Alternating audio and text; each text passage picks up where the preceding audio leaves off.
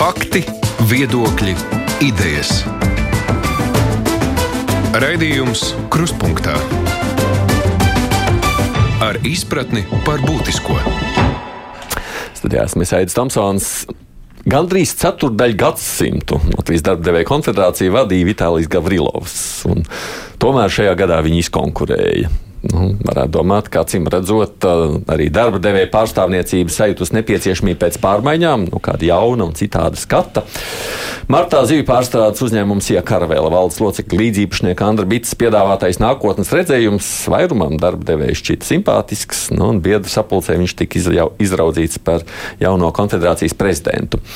Nu, tajā laikā, kad viena krīze nomaina otru, valdībā, kā redzams, tiek mainīts ekonomikas ministrs, nu, biznesam noteikti ir ko teikt par mums pašiem un nākotnes perspektīvām. Pirmdienas krustpunktā lielā intervija mums ir, kā zināms, intervija dienas. Nu, tad Andris Bitte krustpunktā studijā. Labdien! Jums. Labdien! Bet mēs sāksim vispirms ne par jums pašu, bet par to politiku, jo es te pieminēju, vai ne, mums būs šonadēļ visticamāk jaunais ministrs, jeb ministre. Ko jūs vispār sakāt par šo visu procesu?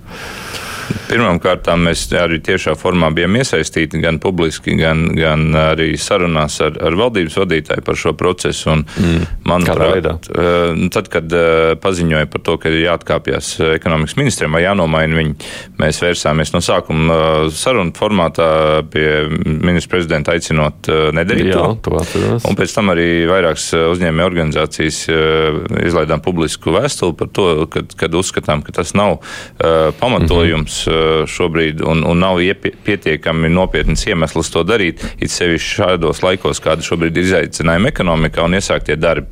Mhm. Uh, bet, nu, diemžēl neņēma mūsu ieteikumu vērā, un šobrīd ir nomainīts ministrs, būs nomainīts ministrs. Strādāsim ar to, kas būs. Jā, mūsu saka, uzdevums ir micīt tos malus, kādi ir. Bet premjerministrs jums nav tajās sarunās tādā ziņā paprasījis, nu, ko te jūs domājat par jauno ministru vai tā? Nē, ne, neko neprasīja. Nē. Es, es centos pārliecināt to, ka tas nav nepieciešams darīt Jā. šobrīd, jo arī tas ir dabiski, kad arī jebkuru ministru, kāds viņš ir, paiet zināms laiks, kamēr no, nozares izveido attiecības un saprot viens otru un sāk kopā sadarboties. Un pamat iemesls, kāpēc mēs bijām pret, uh, ir tas, ka uh, Vitsenberga gadījumā mēs jau bijām sasnieguši to situāciju, ka mēs uh, abas lielās uzņēmuma organizācijas reizes nedēļā tikāmies, plānojām darbus, plānojam stratēģijas tāpat energoneatkarības projektā un, un citās lietās, un pēkšņi, manuprāt, nevis viņa neprofesionālitātes vai, vai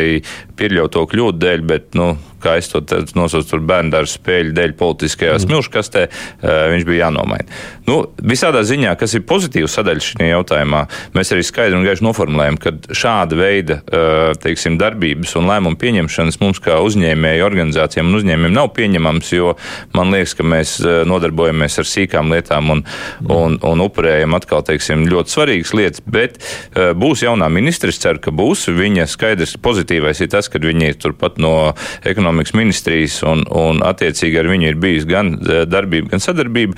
Tad viņi arī esat tikušies. Jā, jā, un es domāju, ka e, nu, produktīvi turpināsim. Mēs esam kādas pāris nedēļas nokavējuši no tām energo projektu, ko mēs esam e, kopā uzsākuši, jo patreiz visas tikšanās, visas lietas, teiksim, tika apstādināts, bet ceram uz ļoti ātru atsākšanu. Energo projekts, kas ir?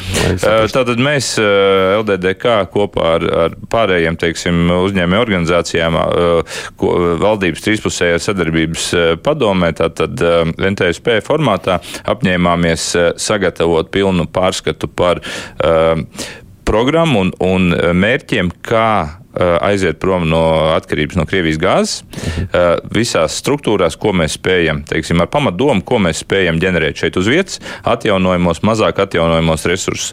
Un pretī uh, tātad mēs nolikt mērķi īstermiņā, tas ir gadi ietvaros vai vidējā termiņā līdz pieciem gadiem, kādu stāvokli mēs esam gatavi sasniegt. Un tajā pat laikā pretī nolikt regulējošos birokrātiskos vai ierobežošos dokumentus, likumus, noteikumus, kuri būtu jāmaina, lai tas būtu iespējams. Mm -hmm. Jo situācija ir diezgan interesanta. Šobrīd biznesa ir gatavs uh, pilnā jaudā pats investēties energoneatkarības uh, nodrošināšanā, gan saules enerģijā, gan vēja enerģijā, gan uh, teiksim, kūdras izmantošanā un tam līdzīgās. Tāpat laikā ir vesela rinda ierobežojuši faktori vai mm. vecu birokrātisku ceļu, teiksim, kuriem ir jāiziet cauri, vai pat tehnisku lietu, kā pieņemsim sadals tīkla iespējas pieņemt šo elektrību pretī. Uh, kas traucē šais investīcijas veikt? Par energo mēs noteikti to pēc brīža runāsim, tikai pabeidzot šo politisko sadaļu. Nu, jūs te sacījāt, jūs jau katru nedēļu tikāties, un man liekas, es tur saklausīju premjeras sacītajā, nu, ka jūs esat pārāk auguši ar ministru, sakot, nu, viņš beig beigās gāja jūsu pavadā te mums viedoklis ar premjeru kungu droši vien atšķirās par to, mm. kā ir jāveido, kas veido politiku. Ministrs veido nozaru politiku vai nozares veido ministrijas politiku. Es uzskatu, ka priekš tam ir ministrijas, lai biznesa, ja šī gadījumā ekonomikas ministrija, lai lielās nozares spētu veidot tādu ekonomisko politiku valstī, kāda ir nepieciešama, lai nozares augtu, attīstītos un dzīvot arī pēc 10, 20 vai 50 gadiem. Un kas ir ļoti svarīgi, kāpēc ir, ir, ir nepieciešamas šīs lielās uh, uzņēmēju organizācijas, kā LDDK vai LTRK, lai nofiltrētu katra individuāla uzņēmēja vēlmi lobēt savas lietas, bet apkopotu lielās idejas un vajadzības, kā nodokļu politika, kā energopolitika. Tas jūsu sacītais izklausās, nu, ka jūs saredzat, ka ministrs ir jūsu interešu lobētājs valdībā, apmēram tā. Faktiski, jā. Ne, ne, nu, lobēšana tas ir, skan ļoti nu, nepareizs vārds, nu, bet nu, mūsu negatīvs vārds jā, jā, tas nav obligāti. Interešu pārstāvjums jā, mans sapnis ir to, kad mēs kādien nonāksim līdz situācijai, kad kopā ar ekonomikas ministru, ministriju, ar finanses ministriju un vispārējo valdību mēs varētu kā nozara, kā biznesa uh, Latvijas uh, teiksim, sadaļa, kas ģenerē nodokļu naudu apsēsties un izrēķināt, izmodelēt, kā mēs varam augt divreiz lielāk, divreiz spēcīgāk, eksportēt divreiz vairāk un tam līdzīgi. Pagaidām mēs, mēs netiekam līdz tam. Tā problēma Jā. droši vien, kas ir bijis vienmēr, es nezinu, vai tas jautājums ir jums, bet tas ir tāds politoloģiski vienmēr apspēlēts jautājums. Nu, lūk, ekonomikas ministrs tur nāk kā nu, tad, tad biznesa uzņēmumu lobētājs. Es lietošu šo vārdu normālā nozīmē, nevajag mm -hmm. negatīvi uztvert. Tātad veselības ministrs nāk kā mediķu lobētājs, jā, tad zemkopības ministrs kā zemnieku lobētājs, izglītības kā skolotāja lobētājs. Nu, tad sanāk kaudze lobētājiem. Un plāga komanda jau neizveidojas. Nu, tur tāds... ļoti labi atzīme, ļoti labi atziņa. Tikai viena lieta ir, komanda pati par sevi neizveidojās. Viņai to komandu kādam ir jāvada un tas ir premjerministrs. Ši, salāgot šīs dažādas intereses katrā no ministrijām, sakoordinēt, lai viņas darbotos kopīgo lielo mērķu vārdā. Šis ir galvenais uzdevums, un viņš nav viegls uzdevums. Ir sevišķi, ja mums ir teiksim, premjeram būtu jākaro ar visiem ministriem. Nevis jākaro. Nu, tā sanāk realitātē, jo katrs grib savu. Ne, karš, nu nav, ne, sadarbība. Mēs jau arī runājam par to. Mums nav jākaro ar jebkuru no ministrijām. Mums ir jāsadarbojas. Tas ir lielais jautājums, ko mēs nespējam līdz šim panākt panākt, atzīstam, ka mēs nevis runājam viens ar otru kā divās, iera, divos ierakumos sēdošas puses, biznesa un ministrija, vai biznesa un valsts, vai skolotāji un izglītības ministrs vienalga, bet kā sadarboties un runāt kā viena komanda, kā mēs sasniedzam lielos mērķus, kā mēs kļūstam turīgāki kā valsts, sabiedrība un individuāli arī katrs no mums. Reizēm arī šajā situācijā droši vien es domāju, jebkurš komandas vadītājs, nu, ko es premjeru tā nosaukt, pieņemsim, grib jau, lai arī, lai arī tie pārējie komandas locekļi skatās ne tikai savā lauciņā, kā tikai savu izbīdīt, bet nu, mēģina skatīties kopumā. Tas ir vadītāja lielais uzdevums. Bet turpinot, varbūt vai pabeidzot šo, šo tēmu, man dzirdot, ko ministrs prezidents teica, nu, teiksim, mums nav bijis pēc tam iespēja bijusi satikties pagaidām. Man ļoti gribētos dzirdēt, kas ir tas, apgalvojot, ka energo, e, ekonomikas ministrs ir spēlējis uzņēmēju vai buļķis uzņēmēju interešu lobētājs mm -hmm. pārāk liels. Kas ir tas, tās praktiskās lietas, ko viņš uzskata, kas tas ir lobēts? Ja? Jo manuprāt, šī interešu pārstāvēšana bija pārāk maza vai pārāk vāja, teiksim, mm -hmm. nekā mēs to gribētu. Tāpēc ļoti svarīgi būtu saprast, ko katrs ar to ir domājis. Ja? Jo mēs nepiekrītam tam. Bet jūs, nu, kā jūs tādā pārstāvat arī nu, trīspusējās sadarbības padomus, un ar to jums jau tā iespēja tikties būs, vai ne? Protams, protams. Cik daudz jums vispār iznāk nu, kā jūs vērtējat tā iespēju aprunāties ar premjeru un vispār mēģināt ietekmēt visus procesus? Nu, pagaidām mums ir bijis viena tikai NTSP sēde. Mm -hmm. Tā bija pamatā, teiksim, mēs nonācām pie diezgan laba teiksim, piedāvājuma, kad par šo energo neatkarības projektu izstrādi līdz 8. jūnijam, kas mums ir jāizstrādā un jānoprezentē kā ap, apvienojoša teiksim, tāds pārskats, kurā būs diezgan īsi un koncentrēti šis viss redzams, kā mēs un kas mums traucē sasniegt to. Un Un tur vēl bija par, par arotbiedrību rosinātais skolotājs streika, teiksim, pieprasījums un tam līdzīgi. Mm. Nākošā mums ir paredzēta NTSP sēde jūnijā. Jā, mm. redzēsim, bet manuprāt, viens lieta, ko mēs ierosinājām premjeram, ir tas, ka šie nav miera laiki, šie nav stabilitātes tāda situācija, kad viss iet labi un, un, un varam, teiksim, varbūt bišķi labāk, varbūt bišķi sliktāk. Šobrīd ir kara apstākļi. Nu, pa laimi karo, teiksim, aktīvi Ukrainā, bet šeit ir ekonomiskā kara apstākļi šodien un daudzas lietas mums prasa daudz ātrāk un straujāk rīcību. Mūsu piedāvājums bija ņemot vērā to, Uh, organizēt biežāks. Un, uh, nu, viņu var saukt dažādi - ārkārtas padomi, kara padomi vai, vai, vai, vai uh, nosauciet kā gribi, bet nelielā lokā, uh, teiksim, lielās iesaistītās sa sadarbības organizācijas ap valdību, kas ir, teiksim, ne tikai biznesa, pārstāvošās arotbiedrības, uh, pašvaldības savienība uh, un, un uh, valdības uh, pilnvaroti uh, cilvēki, kuri spētu ātri reaģēt uz izaicinājumiem, jo viņi nāk katru dienu. Uh, un, un ātri viņus arī tos lēmumus pieņemt un papīrus piedzīt pēc tam tikai. Mūsuprāt, tas ir tas eh, veids, kā būtu jāveido sistēma šobrīd. Un, uh, mēs tā biznesā dzīvojam katru dienu. Uznāk krīze, mēs pieņemam lēmumus 247, nevis uh, gaidām parasto veco ceļu, teiksim, kā tas notikās. Pagaidām tas mums nenotiek, bet nu, mūsu uzdevums ir spiest un motivēt uz to jautājumu. Ja? Kad, uh, kad, kad tā būtu jādara šobrīd, nu, valdības uzdevums ir pieņemt vai nepieņemt. Ja? Mm. Nu, reiz par enerģētiku ieminējāmies, droši vien ņemam priekš šo jomu, priekš mums sarunā. Nu, tā tad plāns, jūs teicāt, mazliet iekavējies nu, valdības tad, tad, uh, sastāvu pārmaiņu dēļ. Kam būtu jāizriet no šī plāna? Es vados uh, savā uh, domāšanā un pieejā šai lietai pēc ļoti vienkāršiem principiem, uh, daudz mazākā mērogā. Naudai ir jāpaliek ģimenei jebkurā. Un pēc tam naudai jāpaliek uzņēmumā maksimāli, vai naudai ir jāpaliek valstī.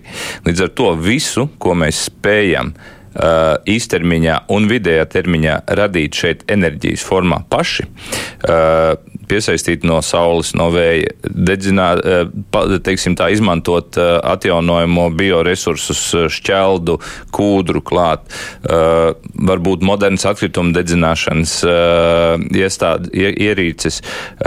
Panākt to, lai vispār pēc iespējas mazāk mums būtu jāizmanto dabas gāze, kas ir pilnībā importēta kā tāda, un tā skaitā, protams, numur viens - Krievijas gāze. Mhm. Uh, noņemt visus uh, ierobežojumus, noņemt visus šķēršļus, lai cilvēki varētu šajā procesā investēt. Uh, un pats labākais, ka šobrīd ir gatavi investēt. Šeit mēs neprasām no valsts subsīdijas, dodiet mums naudu, un mēs investēsim.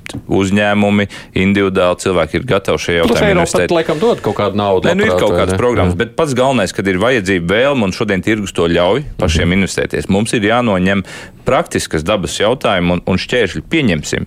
Šobrīd uh, Saules parkus arī mans uzņēmums ir gatavi uh, taisīt uh, diezgan intensīvi un ātri. Tikai problēma, ka Rīgā viņi nav izvietojami, jo, pieņemsim, es atrodos vecmilgrāvī un man nav kur izvietot. Nu, es esmu gatavs to izdarīt uz savas zemes, attālināt, pieņemsim, zemgalē. Bet, diemžēl, tur sadalījums tīkls neņem pretī, jo saka, ka nav jaudas vai jaudas ir rezervētas. Uh, absurda situācija, un iespējams arī runājot ar sadalījums tīklu, ir taisnība. Viņam uh, teiksim, tīkla uh, noslodes šobrīd neļauj to paņemt pretī. Tātad no paš, tā paša mūsu piedāvājums ir, ka no atjaunošanas fonda, kas tagad ir no RRF fonds, sadalījums tīklam ir jāizdala finansējums, lai viņš spētu sakārtot savus tīklus, lai maksimāls, kas gribētāji ir, viņi viņi ir e, gatavi investēt, ražot enerģiju un dot tīklā viņu un ņemt paši sev, pieņemsim, Rīgā.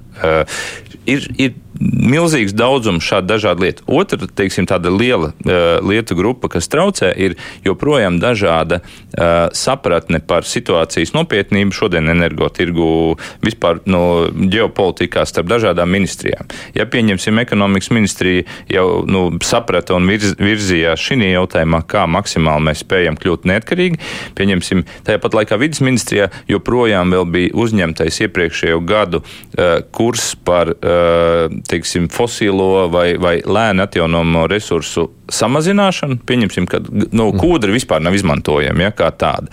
Bet mēs redzam, ka pasaulē šodien, eh, skatoties realitāti, ka Krievija ir uzsākusi karu Ukrainā un visa dzīve ir mainījusies pilnībā savādāk. Daudzas lietas tiek uh, vai nu uz laiku apturētas, teiksim, uzņemtie kursi zaļie, uh, vai, vai teiksim, mēs redzam, ka Somija paziņoja, ka divu, uh, uzkrās priekš divu gadu dedzināšanas kūdru, uh, tāpat Polija sāk akmeņoks. Tas varbūt nav labi ilgtermiņā, bet šobrīd tie ir apstākļi, lai tiktu prom un nefinansētu Krieviju, lai viņi turpinātu uh, nogalināt cilvēkus blakus valstīs. Ja, šā laikā, protams, ir svarīgi, lai mēs tam arī investējam nākotnē, ilgtermiņā, nevis tikai tādām īstermiņām. Jā, jā bet, bet mēs jau arī šodien to esam gatavi darīt. Ja, teiksim, tas ir kombinējot kopā. Ja, ja mēs skatāmies, ka mums arī nav tāda resursi, kas būtu uh, rokam ārā, nu, kā pieņemsim Igaunijā slāneklis, ko viņi atkal, teiksim, sāk dedzināt un, un, un strādāt. Mums jau ir uh, mūsu dabas resursu dieviņš ir iedalījis, cik, cik ir, ja, mežs un, un, un zeme, ja, un no tā ir maksimāli daudz jāpaņem, bet ar domu, lai tas saglabātos nākošajām paudzēm, un neviens no mums nav gatavs šeit uztaisīt tūkstnes. Ja. Nu, Atomelektrostacija ir ietilpst tajā. Uh, tas ir ilgtermiņa plāns. Mēs šobrīd runājam par īstermiņu. Tas ir līdz šim. Jūs šobrīd strādājat pie īstermiņa plāna. Mēs strādājam pie īstermiņa. Tas ir līdz šai, ko varam izdarīt līdz šai apkurses sezonai. Nu, tur nav pārāk daudz, ko izdarīt, bet ir iespējams. Otra lieta ir par vidēju termiņu. Tas ir no gada līdz pieciem. Skaidrs, ka atom, manuprāt, atomenerģija ir nākotne. Es pilnībā pats personīgi atbalstītu tādu lietu, bet tas ir skaidrs, ka tas ir virs no ap desmit gadu nemazāk. Ja? Līdz ar to uz to ir jāvirzās, protams. Jums nāks līdz ar to kļūt par enerģētikas ekspertu. Uh, nu, visa dzīve, darbojoties biznesā un sevišķi ražošanā un eksportēšanā, tu katru otro pusgadu kaut ko jaunu mācies. Ja? Tā kā nekas traks tas nav, un, un tas ir noderīgi arī pašam, protams. Nav tā riskanti beig beigās. Varbūt, ka jūs tikai būsiet apgrābstījis kaut ko un tagad sastāstīsiet, kā vajag darīt valdībai, bet realtātē varbūt būsiet kļūdījušies. Uh, te ir tas jautājums. Es nemēģinu būt par zinātāju katrā no šīm jomām, jo man joprojām ir grūti at, at, atšķirt teravatu no megavata. Ja? Bet, Es godīgi tāpēc arī saku, un, un, un jautājums ir tas, ka mūsu katrā no or, lielajām organizācijām uh, ir nozaru speciālisti, kuri precīzi zina, un, un ne jau es izstrādāju uh, šo, šo plānu. Mūsu jautājums ir nokoordinēt un savākt, apkopot šo informāciju, un tad nofiltrēt varbūt šīs katras mazās nozares intereses pārāk augstās, ja, lai mēs dabūtu vidējo tādu objektīvu skatījumu uz to, ko mēs varam. Un, jo ir dabiski, kad atnākot nozarē, es pats pēc savas nozares zinu, ja atnāk atsevišķi nelielāka nozara vai uzņēmums atsevišķi, viņš vienmēr stāsta, ka viņš ir galvenais un viņš ir viss uh, vienīgais vajadzīgais valstī. Bet uh, tāpēc jau mums, mūsu lielās organizācijas vajadzīgas, lai tomēr izfiltrētu šo uh, objektīvo sadaļu. Svarīgi jau arī, protams, tādās ātru lēmumu pieņemšanā, kas, kā jūs teicāt, šajā laikā nu, neizbēgami ir svarīgi, bet nu, arī ātros lēmumos var nokļūdīties un pilnībā nu, nevar ignorēt ļaužu tādas vides labturības prasības. Nu, pieņemsim vēja ģeneratoru uzstādīšanu pie mājām, kas ir, kā jūs zināt, bijušas protesta akcijas un neviens vien kā lūk salāgot šo visu. Uh, ne, nu, ja mēs paņemsim. Uh, mēs nonāksim pie tāpatās enerģijas ļoti plašā mērogā Latvijā agri vai vēl. Jautājums labāk to agrāk izdarīt mm. nekā vēlāk. Uh, skaidrs, ka mums ir zināmā mērā demokrātijas uh, tāda pārāk, manuprāt, pārāk, pārprasta, pārāk pārprasta sistēma, kurā, nu, būsim reāli, es darbojos biznesā un es redzu, kādas ļoti daudz uzņēmumu Latvijā ir aizgājuši garām Latvijai, ražojoši un eksportējoši potenciāli uzņēmumi tikai tāpēc, ka vietējo, teiksim, pašvaldību cilvēku attieksmi ir, mēs vispār Latvijā mums vajag ražošanu, bet ne pie mums, labāk kaimiņu pagastā. Un, diemžēl, šī lieta, nu, teiksim, pilnībā atstājot iekļaut viņu tādā pašplūsmā, kad, kad uh, pilnībā ļaut izvēlēties uz vietas cilvēkiem, viņi to grib vai negrib, uh, ir novads pie tā, ka, diemžēl, kaimiņi mums ekonomiski stingri skrien garām un tur ražošana eksports ir daudz attīstītāks.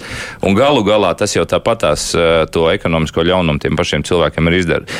Reģionāla attīstība un, un, un kāda viņi mums Latvijā ir ļoti dažāda starp Rīgu un, un, un tāliem reģioniem ir, ir sekas šiem pilnībā uh, uz vietas uh, ļautiem lēmumiem.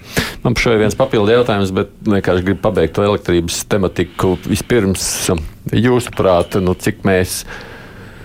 Nevis šajā ziemā, visticamāk, šī ziema būs grūta, vai ne? Bet vispār nākotnē, cik vajadzētu būt lielai daļai no mūsu izdevumiem maksājumam par elektrību vai apkuri, nocekot enerģētikas maksājumu? Mm, es, es neņemšos, eh, nu, teiksim, tēlot ekonomistu, kurš saprot eh, šajā jautājumā. Es eh, skaidri zinu, ka vismaz šī gadā un nākošajā viennozīmīgi, jo it sevišķi tas skar pārtiks cenas, šīs abas sastāvdaļas ieņems daudz lielāku proporcionālu sadaļu ģimenes budžetā nekā bija līdz šim. Un tas nav nekas ārkārtējs, bet tas skaidri nozīmē, ka nu, teiksim, pierastie, pierastais dzīvesveids nu, mainīsies. Ja? Un ir šeit liela atšķirība no tā, cik tas ir nopietni un cik tas ietekmēs nopietni katru ģimeni. Un te mēs atgriežamies pie valsts labklājības kā tādas. Man, protams, pārtikā ir tuvāk tā sadaļa. Es, es viņā diezgan, teiksim, jūtos profesionāls un mēs skatījāmies, cik pārtikas grozs, pieņemsim, sastāda vidēji ģimenes budžetā, kādu proporciju Latvijā, tādā pat Ukrainā, Kazahijā, Zviedrijā vai Dānijā. Un, un, un tad tu saproti, kā apmēram šis milzīgais pieaugums pārtiks cenās ietekmēs katru valsts patēriņu. Ja Latvijā tas ir ap 23-24% un viņa pieaugums uz pusi vismaz klāt 50% pieaugums būs jūtams jau, plus vēl enerģijas, tad pieņemsim, Zviedrijā tas ir 11%. Un ja viņš pieaugs vēl uz pusi, tas nebūs tāpatās uh, dramatisks, teiksim, uh, izmaiņas ģimenes budžetā. Ja? Un, un, un uh, manuprāt, teiksim, tā lieta, ko mēs varam darīt. Ja? Te nav ātru un, un tādu īstermiņa risinājumu. Mēs varam prasīt, varbūt pirmkārt vērsties pie cilvēkiem tiešām taupīt naudu rudenim, ziemai, jo energo plus pārtiks cenu pieaugums būs liels, un viņš jau arī šodien jau ir, plus viņš vēl nav beidzies. Uh, otra lieta - vērsties un runāt ar valdību par to, lai varbūt uh, valdība nevar subsidēt. Tas ir muļķības, kad var, nu, pieņemsim, no nu, subsidēt cenu pieaug. Jā, uh, tai sabiedrības daļai, kam tiešām tas būs kritiski svarīgi, ir jāspēj mērķēti palīdzēt, un nevis visiem pēc kārtas. Man palīdzība nepienāktos. Es arī nekad nu, nepretendēju uz to, ka teiksim, man, man pienāktos. Bet uh, tas ir viens. Otrs, uh, teiksim, novērst varbūt tos uh, papildus elementus, kas to cenu vēl dzena augšā. Ja? Nu, vienu jau novērst tagad ar to biopiedevu degvielai, kas, uh, kas bija pieņemta un atcelt. Ļoti labi, ka reaģējām šādā veidā tomēr uh, un, un atsaucāmies aicinājumam. Ir vēl iespējams kaut kā kādi, ja teiksim, bet nu, tie nav tādi globāli. Mēs jāsaprot visiem, ka pie tā šī gadījumā nav val, vainīga Latvijas valdība, ka cenas mums būs augstas un, un viņas būs augstas vismaz arī nākošo gadu, jo mēs pārtikā jau redzam, ka tam ietekmi ir vismaz gadu uz priekšu. Uh, Tas nav nekas ārkārtējs arī pasaules mērogā. Mums uh, 15 gadus atpakaļ bija līdzīga situācija, un tad viss lēnām gāja uz leju cenās, un tagad atkal strauji uzauga. Un, un tas sākās arī pirms kara īstenībā. Tas sākās pagājušajā gadā oktobrī, ja? kad cenu pieaugums, kad mēs kā pārtikā redzējām, ka viņš ir neizbēgams un ļoti strauji. Un vēl karš uzzina papildus, teiksim, to drāju. Nu, tas bija jau droši vien kara gatavošanās no Krievijas puses. Nu, tas, bija, nē, tas bija Covid izsauktais dažādu loģistikas ķēdi -hmm. un, un, un, un ražošana, pazušana un tā tālāk. Velns viņa zina, kas tas bija. jā, jā. Labi, atgādini tikai klausītājiem. Mums ir saruna šoreiz ar Latvijas darbdevējas konfederācijas prezidentu Andru Bītu. Tātad intervija ar viņu. Raidījums Krustpunktā. Nu, mm, Es teicu, ka mazliet labprāt par šo lēmumu pieņemšanu es turpinātu mūsu, kā jūs teicāt, mazliet pārāk lielo demokrātiju. Skatoties no tāda pašvaldību ienšētības puses, mēs zinām, pašvaldībām liela interesa nav, ka tur uzņēmē darbība, jo viņiem nekāda ienākuma no tā nemainās. Jā. šo mēs esam gadiem runājuši, nekas arī nav mainījies valsts politikas līmenī. Tas ir aplami. Pašvaldībām jābūt finansiāli ieinteresētām, lai viņām būtu ražotnes. Viennozīmīgi. Viennozīmīgi. Tas ir, eh, tas, tas ir tāds pats ģimenes maka princips, kā tas ir atsevišķi vienā ģimenē, kā tas ir jau pašvaldības ietvaros un tālāk valsts ietvaros. Un, eh, ja ģimenē nebūs neviens ieinteresēts, lai strādātu un, un, un pelnītu un nestu naudu, eh, tad, tad nekas labs tur nebūs. Dzīvot uz sociālā pabalsta nav labākais risinājums. Un, manuprāt, ir jāmaina. Un viena no lietām, ar ko mēs arī teiksim, organizācijā sadarbība LT ir, ka esam atsākuši aktīvu diskusiju un, un šādu projektu izstrādi vai risinājumu izstrādi ir, kā zināms, mēs šodien no rīta panorāmā paziņojām un rītā mēs parakstām memorandu starp Latvijas darbdevēja konfederācija, Latvijas tirniecības rūpniecības kamera, pašvaldības savienību, arotbiedrībām un zinātņu akadēmiju par to, eh, ka eh, vēršamies pie esošajām varas partijām un pie potenciālām, kas grib būt jaunajā parlamentā, eh, parakstīt arī šo kopīgo memorandu par apņemšanos prioritēt, kādas lietas mums ir nākošajā, teiksim, parlamenta periodā ir svarīgas, mhm. pie kurām jāstrādā, un mēs savā starpā piecas brīžiem pat, teiksim, nu, neteiksim konfliktējuši, bet daudz intereses mums atšķirās. Bet kopumā atrast šos kopsaucējus ekonomikā, nodokļu politikā, izglītībā un, un valsts aizsardzībā, lai mēs spētu vienoties ar, ar, ar politiskiem spēkiem par to, ka viņi īstenos viņus. Un mēs pal gatavi palīdzēt šo ja mēs atgriežamies atpakaļ pie pašvaldībām, tad viennozīmīgi ir jābūt pašvaldības ienākumiem, ir jābūt tiešā veidā sasaistītiem ar to, kāds biznesa ražošana un process notiek pie viņiem. Lai mēs izslēgtu no tā, ka guļam rajona prīga ir pilnībā neinteresēti biznesā un, un ražošanā. Nu, tas bažas ir, kāpēc tas netiek darīts, jo kaut kur tālāk pie robežas Latgalē vienkārši viņiem nav iespējas vispār neko uzbūvēt, un tad viņi tur būs mūžīgie nabagi. Uh, iespējas ir visur. Jautājums ir, ja gribi un vajadzība. cilvēku. Jā, protams, bet varbūt tās arī mēs nonāksim pie tā, kad, kad mums būs reģioni, kurā, kuri nespēs mm -hmm. sev piesaistīt neko, viņi kļūs arvien tukšāki un tukšāki to piespiedu kārtā. Ne, es saprotu, ka tas nu, nav. No, valsts politika ir domāta arī par reģionālo izlīdzināšanu. Jā, jā, tā? bet, bet uh, es domāju, ka, teiksim, nu, prātīgi, es ne, nepateikšu, ka man šobrīd ir skaidrs uh, risinājums, un es sākšu klā, uh, stāstīt viņu, kad es redzu, kā to. Tas ir ļoti sāpīgs jautājums, bet mēs te pat laikā redzam, ka uh, daudzas lietas mēs varam salīdzināt, varbūt tās, teiksim, pie, no pašvaldības uh, ir ļoti daudz kas atkarīgs, uh, vai tajā vietā attīstās ražošana vai nē, vai notiek kaut kas vai nenotiek. Mēs varam salīdzināt Liepāju, varam salīdzināt Daugopilu. Uh, arī, protams, jā, un, protams, un, protams. Uh, ir, ir šeit, es pats pēc savas pieredzes atvedot vairākus uzņēmumus uz Latviju no, no ārvalstīm, redzu, cik ātri norēģē vienā vietā, cik ieinteresēti ir, lai pie viņiem būtu kaut kas, un, un kā ir otrā vietā. Nu, klausoties jūsos, patiesībā man ir tāda sajūta, ka nu, mēs atgriežamies pie tās domas, kas visu laiku prātā rādās. Mums vajadzētu nu, tādu ideju hackathonu, kuru pēc tam arī kāds realizē. Nu, tādā ziņā, ka nu, katrs tur esam ar kaut kādām savām idejām, ko darīt. Bet te, tas, tas ir tas valdības princips. Lūk, tur ekonomikas ministram ir savas idejas, izglītības ir savas, un te, nu, te sanāk tā, bet nav nav tāda kopējā. Nav. Šī sadarbība kopā katrs dzīvo savu dzīvi, mm. un, un, un mūsu mērķis ir, kāpēc es saku, man uzņēmos arī šo, šo darbu, es ticu, ka to var mainīt kad var panākt to, ka e, man arī piemēri labi, teiksim, iepriekšējā pieredze mazākās sabiedriskās organizācijās, ka mēs esam vismaz ministrijas ietvaros panākuši, ka mēs strādājam ar nozarēm kā viena komanda. E, es joprojām uzskatu, ka mēs to varam arī lielākā mērogā izdarīt. Jūs varētu būt tās idejas virzītājs spēks. Nu, ne jau es viens, mums ir komanda, nu, teiksim, kas līdzīgi domā, un, un, un es domāju, ka no, nu, teiksim, tas ir izdarāms. Daudz, kas ir atkarīgs. Jā, bez šaubām. Mazliet par nodokļiem runājot, nevis pārējais, mēs pieminējām pašvaldības un tam līdzīgi, bet tā dilēma jau, kā zināms, nav tikai attiecībā uz pašvaldību ienākumiem vien. Nu, tas, kas pēdējā laikā parādās, visu laiku ir tas PVN samazināšana. Mm -hmm. Un jūs arī, man liekas, esat pauduši to, ka būtu jau labi vai nesamazināt PVN. Es noformulēšu varbūt precīzāk, kā es teicu, mm -hmm. ka tas noteikti ir jautājums, ko vajag izmodelēt un izskaidrot. Es vienmēr uh, miera laikos esmu bijis pret pazeminātu PVN. Izņemot gadījumus, kad uh, tas darīts ar mērķi nevis padarīt produktu lētāku, bet izskaust kādu, uh, pieņemsim, vecais stāsts par augļiem un dārziem Latvijas. Jā, jā. Uh, pamatmērķis uh, šim samazinātājiem tajā laikā PVN bija uh, izskaust pelēko vai melno importu no Polijas bez dokumentiem caur PVN schēmām, uh, ko viņš arī pilnībā ieviešot šo samazināto PVN uh, izpildīja savu mērķi. Viņš nebija mērķis padarīt lētāku uh, produktu. Uh, mūsu gadījumā šobrīd Latvijā.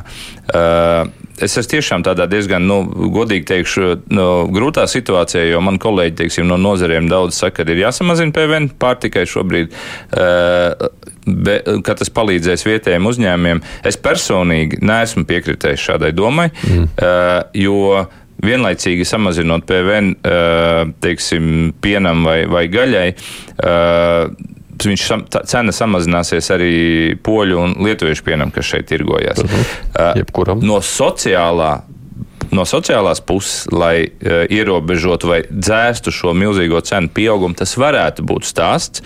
Bet tad ir jautājums, vai valsts to var atļauties. Uh, un, Līdz 150 miljoniem tas maksā. Jā, tāpēc es, es saku vienmēr, ka Eh, šīs lietas vajag izmodelēt un izrēķināt kārtīgi, eh, un tad pieņemt lēmumu. Es nenostāšos ne, ne, ne pusē, kad obligāti viņš ir jāsaglabā eh, vai viņš obligāti ir jāsamazina. Jo es no praktiskā viedokļa skatos, ražotājiem tas nedos nekādu labumu. Sociālajā sadaļā mums varbūt nāksies, bet es arvien vairāk domājot un skatoties, esmu pārliecināts, ka mērķēta palīdzība būs pareizāks stāsts, mm. nevis vispārēji. Jo Eh, jo man liekas, daudz kur ir maldi arī, arī mūsu kolēģos par to, ka tas palīdzēs vietējiem ražotājiem pamatā.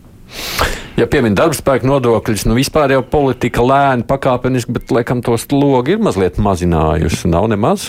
Uh, teiksim tā, pa vienu procentu punktu mēs esam mazinājuši. Mm -hmm. uh, tagad uh, JKP solītais 500 nepliekamais, ko solījusi pagājušajām vēlēšanām, nu jau uh, divus, trīs mēnešus pirms jaunām vēlēšanām ir apsolīts, ka būs. Mm -hmm. ja?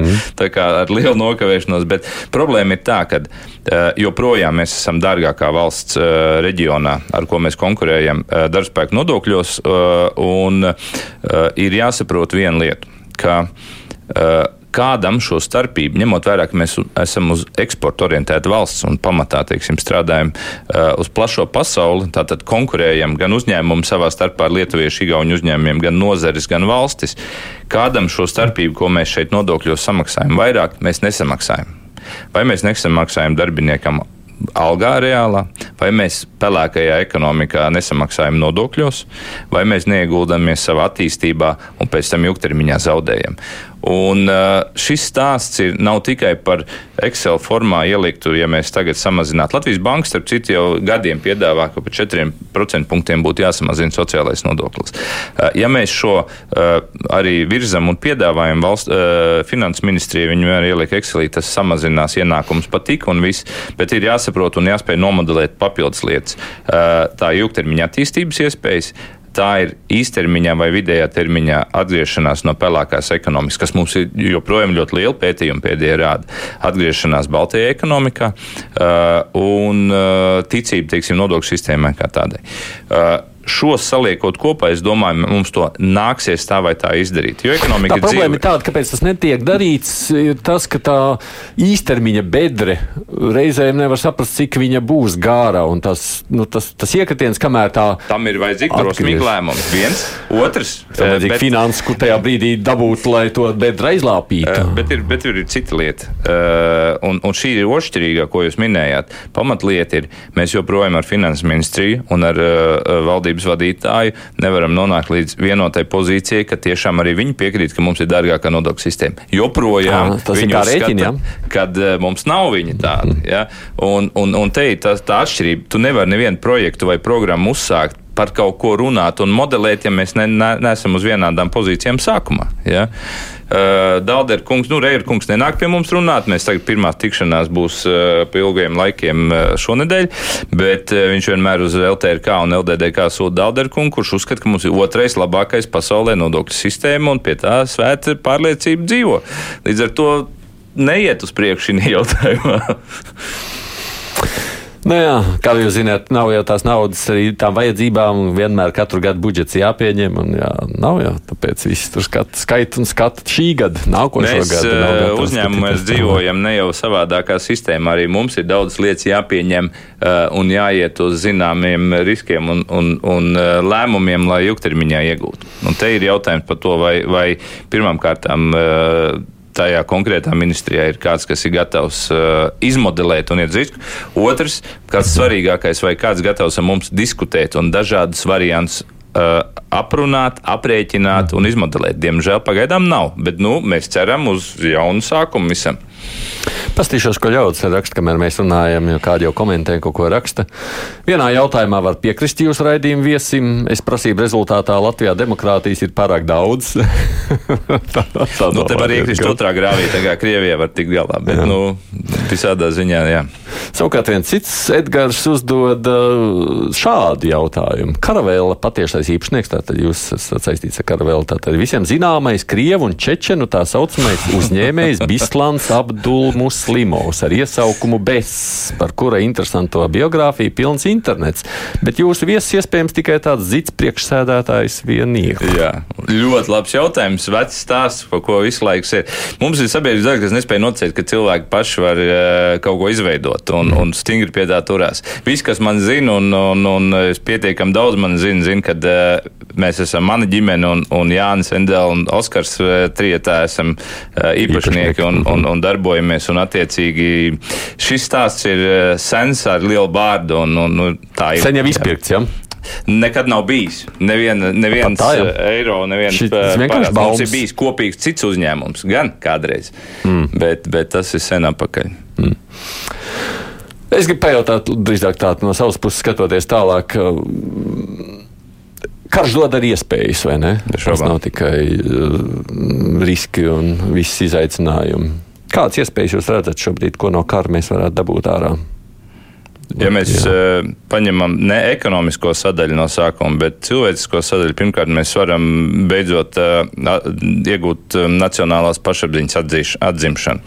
Uh, to mēs redzējām ar, ar teiksim, cilvēkiem, kompānija, kas ātri norganizēja gājienu uh, un, un, un tiešām ieguva daudz labāku to emocionālo uh, uzplūdumu cilvēkos, latviešos par to, ka mē, mums ir sava pozīcija un, un, un mēs uh, gribam savā valstī vadīt tā, kā mēs šeit gribam to darīt. Ja mēs runājam par ekonomiku, man tur vienkāršāk ir runāt mums atverās ļoti daudz arī pie šiem apstākļiem iespējas. Eh, Pirmkārt, eh, ja mēs skatāmies uz tādu, tādu eh, īstermiņa daļu,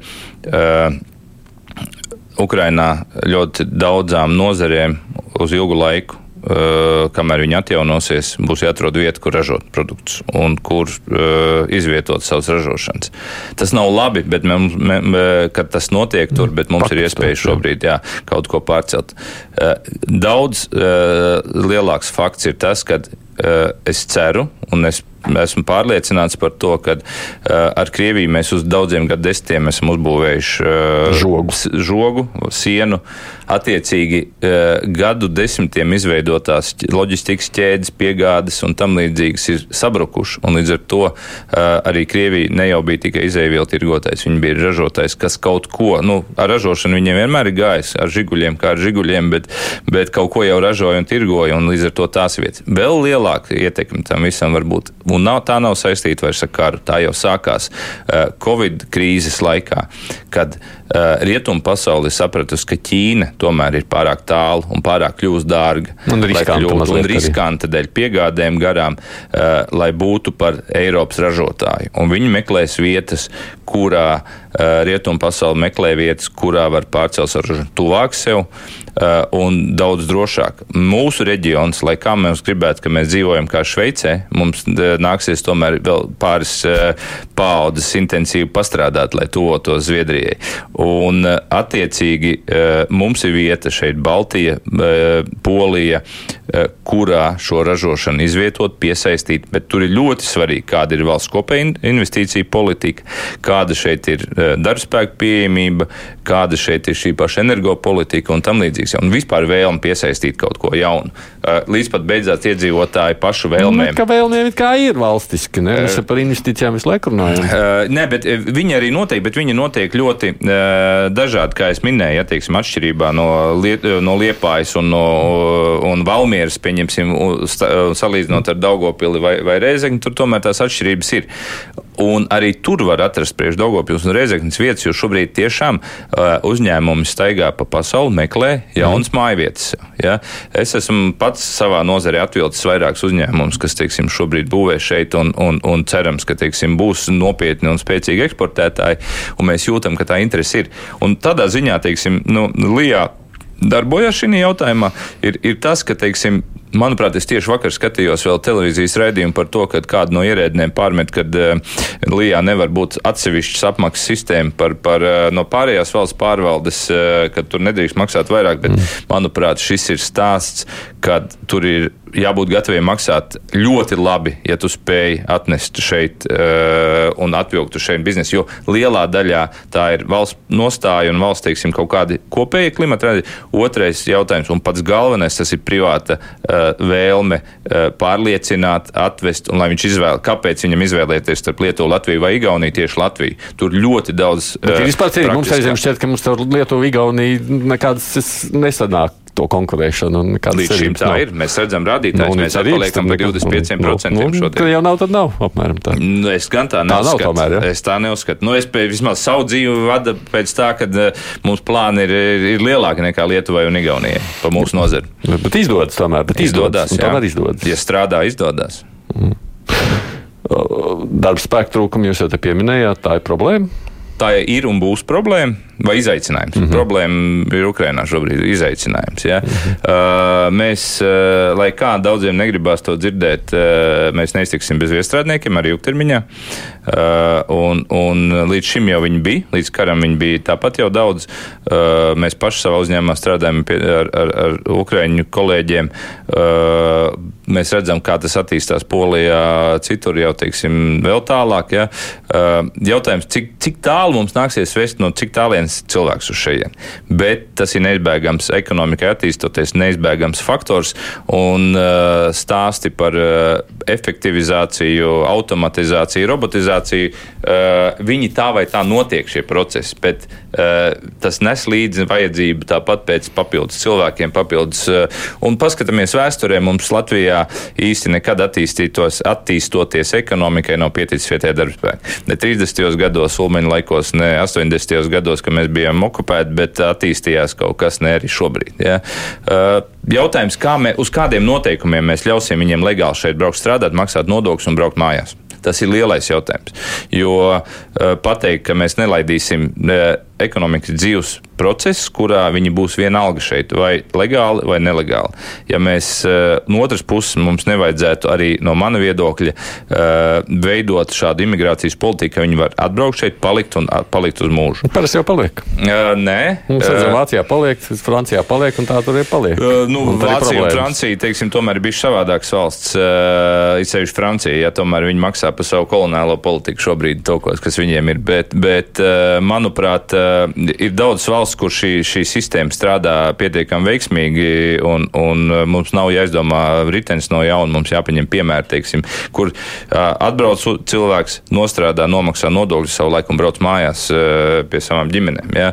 Un tas ir izdarāms. Mēs savā uzņēmumā pierādījām to. Mums aprit apmēram, teiksim, mums nu, vidēji tur 60 70, eh, citreiz 40 ukrāņu nu, kolēģi ir, bija. Eh, tagad ar bēgļu, bēgļiem vairāk ir, bet 90% eh, no viņiem brauca mājās, brauca atkal, brauca mājās uz ne, nepalikšu. Tie, kas palika, cepurnos iemācījās latviski, vat vecmilgrāji un, un, un kļuva par normāliem mūsu līdzpilsoņiem, bet, nu, protams, ar uzturēšanās atļaujām. Šis mazliet, protams, cīniski skan, bet tādā ziņā Ukrainas karš nav tā, ka mazliet palīdz arī risināt darba spēku problēma? Īstermiņā, jā, eh, un atsevišķās nozarēs ne visur, jā, mm -hmm. jo, jo no, nu, mums, ir, mums ir tā, mums elektriķi politiķi sapakojām, nopirkām mašīnu, četrbrauc karot atpakaļ, un viņa vietā atbrauc, teiksim, ģimenes. Apmēram, nu, sievietes ar bērniem. Ja? Mm. Protams, ir nozars, kur tā situācija īstermiņā ir labāka, kļūst dēļ nu, sliktumā labāka kara apstākļos, bet jāsaprot, ka tas īstermiņa karš beigsies, Ukraina vinnēs, viņiem būs jābrauc celt atpakaļ savu uh, valsti. Kāda varbūt arī neaizbrauks. Varbūt, jā, bet uh, ja mēs spēsim viņus um, integrēt un kļūt, ja viņi kļūt par lojāliem vietējiem cilvēkiem, kāpēc ne? Es domāju, viņi daudz patriotiskāk pēc šīs situācijas būs nekā daži, kas mums te dzīvo jau. Mm. Nu, mazliet par pašu jūs. Tad, tad nu, karavēl tā, tad tās ir zivis. Tas ir zivis. Mūsu priekšstats vienmēr zivs vajadzīgs tikai krieviem. Pilnīgi mēs paši dzīvojam šādā priekšstatā gadu desmitiem. Eh, līdz kamēr nevis tikai mēs, kā uzņēmums, arī nozare, eh, un viss teica, ka šprocē tikai bijušajā padomju mm. savienībā. Šodien es nerunāju tikai šī gadījumā savā vārdā, visas nozares vārdā runāju. Šprots šodien tirgojas dažādiem, zem dažādiem nosaukumiem, jebkurā Japānas lielveikalā, Amerikā lielveikalos, mm. Dienvidāfrikā, visā Eiropā. Mēs paši, teiksim, mums lielākie tirgi uzņēmumam ir Vācija, Lielbritānija, Zviedrija, Dānija un tad kopā 46 valsts pasaulē pasaulē, kur mēs spējam saražot, pārdot un nopelnīt naudu. Uh, un esam šobrīd izauguši uh, par trešo lielāko Eiropā ražotāju no diezgan bēdīga paskata padomu laika uzņēmumu. Tā kā es domāju, ir ar ko lepoties, jo komanda ir izveidojusies perfekta, kas spēj uh, uzlikt sev tādus ambiciozus mērķus, ka mums ir mērķis kļūt par otro Eiropā lielāko. Jūs atgādiniet tikai, lai klausītāji zina, kas bijāt padomu laikā par uzņēmumu, kas ir tagad. Uh, kaija, kaija. Mēs arī Latvijā esam pazīstami kā Kaija. Uh, preču zīme Vācijā mēs nopirkām Vācijas uzņēmumu, nolikvidējām, pārcēlām uz Latviju, saglabājot brendu un tirzniecību. Tā ir Larsen brands Vācijā mm. ļoti, jebkurā veikalā ir. Zviedrijā mēs ražojam pilnīgi visam tirgumam zem viņu preču zīmēm. Tā kā ļoti dažādi pielāgojamies katram tirgumam, katrai valstī uh, un, un zinām, ko mēs darīsim vēl nākošos desmit gadus noteikti. Kā jūs viņus iebarojāt ar protēm, es domāju, amerikāņus un japāņus? Uh, pirmkārt, pasniedzām, nevis mēģinājām iemācīt ēst to, ko viņi nezina bet pasniedzām uh, to, ko viņi zina. Pieņemsim, process Japānā, lai saprastu, tirgojas nevis kā šprots eļļā, bet kā oil sardīns, eļļas sardīns. Ja? Mm -hmm. To viņu produktu virzienu zināja, un, un tāpēc varbūt šis iemesls, kāpēc mēs neesam Ķīnas tirgu, neviens no nozares gandrīz vai, jo tur konzervs nepatērē. Mums ir vieglāk tirgot uh, un pārdot un iestāstīt. Uh, tirgos, kuros vispār patēriņš jau ir tai precē. Un tad mēs uzliekam ekskluzīvu produktu uh, uz plaukta, pieņemsim, uh, stāst par pievienoto vērtību. Brētliņi, lētākā zivs, kas vien iespējama. Uh, nu, teiksim, no kuģa viņi maksā ap 30 centiem kilogramā. Pārstrādāt uh, premium klases protē uh, Francijas lielveikalā uz veikalu plauktu viņi maksā 16 eiro kilogramā, ja mēs pārvedam kilogramus. Mm -hmm. Tas ir stāsts par pievienoto vērtību no 30 centiem uz 16 kilogramiem. Un visi šajā procesā nopelna uh, ir, ir gan, gan algas, gan uzņēmumi. Uh, labi. Jūs, jā, caur nodokļiem tāpat jau nopelnāt. Jebkurā gadījumā iespējas iekļūt starptautiskajos tīklos ir. Jo tas ir tas jautājums, ko visi skatās, vai ne? Sakot, redz, mēs te kaut ko ražojam, bet kā tur iekļūt, jo tur ir grūti vienalga. Nu, ir tīpaši lielajos. Ir, ir viennozīmīgi, ir un Latvijai viss perspektīvas to arī izdarīt daudz plašākā mērogā nekā šobrīd. Mēs uzsākām vispār savu ceļu rietumu tirgu 2010. gadā, kad mēs izdomājām, ka Krievija tomēr un padomu bloka valstis ir bijušās, ir, ir nu, riskants ceļš tālāk. Mm -hmm. Mēs viņus turpinājām tur tirgot, cik vien ilgi varējām, bet uh, līdz karam tagad Krievijā. Ja? Uh, ar Krieviju un Baltkrieviju pārtraucām momentāli sakars, bet tirgojām cik vien varējām, bet attīstījām savu dzīvi, investējām rietumos. Un mēs aizbraucot turpat sākot ar Zviedriju, uh, mums bija ilgi un dikti jāpierāda, ka mēs nesam šeit Krievi, kaut vai mēs esam šeit pārsimt kilometru attālumā. Ja? Bija daudzas lietas jāsalauž morāli par to, ka mums var uzticēties, ka, var, ka mēs mm. tādu pašu kvalitāti uzražosim, un pēc tam vēl ekonomiski bija jāsakauj vietējie, lai aizņemtu viņu vietu. Bet to var izdarīt. Un, un mūsu gadījumā mums nāca palīdzīgā nozarei uh, valsts. Mums bija ļoti labi izveidota, ir joprojām izveidojusies sadarbība starp uh, zemkopības ministriju un pāraudzības iestādēm. Un šis ir tas stāsts, ko es jums iepriekš minēju, kad mēs varam parādīt labos piemērus, kur neatkarīgi no politiskā vadības, politiskās vadības ministrijā visas uh, varas vertikāla tur līdz pat iestādēm lejā darbojās vienā komandā ar nozarēm. Mēs attīstam, mums palīdz sakārtot dokumentus ārvalstu tirgos, lai varētu tirgoties, mums palīdz ar fondiem braukt uz izstādēm kopīgi un tā tālāk. Un nevis vienam man, kā karavēlē, bet visai nozarei, ja mēs ejam kā vienots organisms. Nu, mums jau vienmēr bija, bija jau daudz gadu šis process, bija galvenais skats uz Krieviju vienmēr vispār konservē. Ne? Ir kādi, kas joprojām no šī biznesa skatās uz Krieviju, jo tagad taču Krievija faktiski. Nē, ciet. mums jau nozare kā tāda no 2014 gada vai 15. gada, es tagad varu Jā. samalot, ir aiztaisīta ciet uz Krieviju. Man bija vienīgiem Jā, iespēja tirgot uz turieni, jo viens no valsts varēja, uh, bet tās pārdošanas apjomi mums bija apmēram 1,8% no kopējā pārdošanas apjoma kopā ar Baltkrieviju skaitot. Līdz ar to. Tad Latvijas zivs uz Krieviju jau neiet. Sen, sen jau vairs neiet. neiet. Lai zinātu klausītāji tajā visā sadaļā. Bitskungs neplāno doties politikā, prasa Viktors. Jau tagad izcils runātājs aids netiek pie vārda. Nu, kurus politiskos spēkus tad jūs atbalstāt? Es atvainojos, ka netiek pie vārda. tiek pie vārda. Es jau vajag, es tiek pie vārda. Par to neraizēties. Nē, Bitskungs nedomā, jo šobrīd viņš uzņēmies arī pienākums, kas ir tūp pie politikas. Kā saka, mums jāstrādā. Mm tā vai tā es savu dzīvi, tomēr, eh, kas man vislabāk patīk, tas ir pavadīt laiku fabrikā, uzņēmumā un, un, un nodarboties ar tām lietām, eh, kas man silda sirdi un, un, un kas man patīk. Eh, šie ir papildus pienākumi, ko es daru, un, un, un arī daru ar viņa aizrautību, jo es uzskatu, ka var mainīt kaut ko. Ko es domāšu mm. pēc trīs gadiem, to mēs redzēsim. Zināt, bet, jā, bet, bet šobrīd nē, politikā Mums ir cita lieta, ko, ko teiksim, mēs arī no lieliem organizācijām, uzņēmuma organizācijām aicināsim. Nāksim arī aicinājumu pie, pie citiem uzņēmumiem, pie aktīviem cilvēkiem nebaidīties un iet politikā. Jo šobrīd tā, tā nu, kvalitāte saimā ar katru reizi mums ir tāda, vajag izsakoties švakāk un švakāk. Un, diemžēl tā sistēma arī paši sevi aizsargājoša, kad, kad īsti aktīviem cilvēkiem nevienam negribās tur iet, jo neko jau uh, labu gala rezultātā tu tas jau nedabūsi. Uh, attiecīgi, uh, mūsu aicinājums būs, ka tomēr nebaidīties iet arī pašiem uzņēmējiem, neuzlikt uzreiz zīmi saviem kolēģiem, kas kandidēs vēlēšanās, vienalga kurās partijās. Nu, skaidrs, ka viņām jābūt tādām, kas nedomā, ka Latvijai ir jābeidz savu eksistenci kā Krievijas Savienībai, pieņemsim, vai, mm -hmm. vai mhm. tam līdzīgām, bet vienalga kurā virzienā un politiskā spektrā, bet jāiet un jāpiedalās. Iespējams, ja es nebūtu varbūt šobrīd uzņēmies eh, šos pienākumus, varbūt es par to arī nopietni domātu, bet, bet eh, šobrīd man citi pienākumi. Nu, vienīgais mums jau nav tā, ka nav bijuši vispār uzņēmēji, kas devušies politikā, bet nu, vai nu beig beigās paši aizgājuši aizdomīgu ceļu, vai, vai tu visi nojūts? Nu, neslēpsim, ka mums ir divi veidi uzņēmēji Latvijā. Ir, ir politi uzņēmēji un ir uzņēmēji.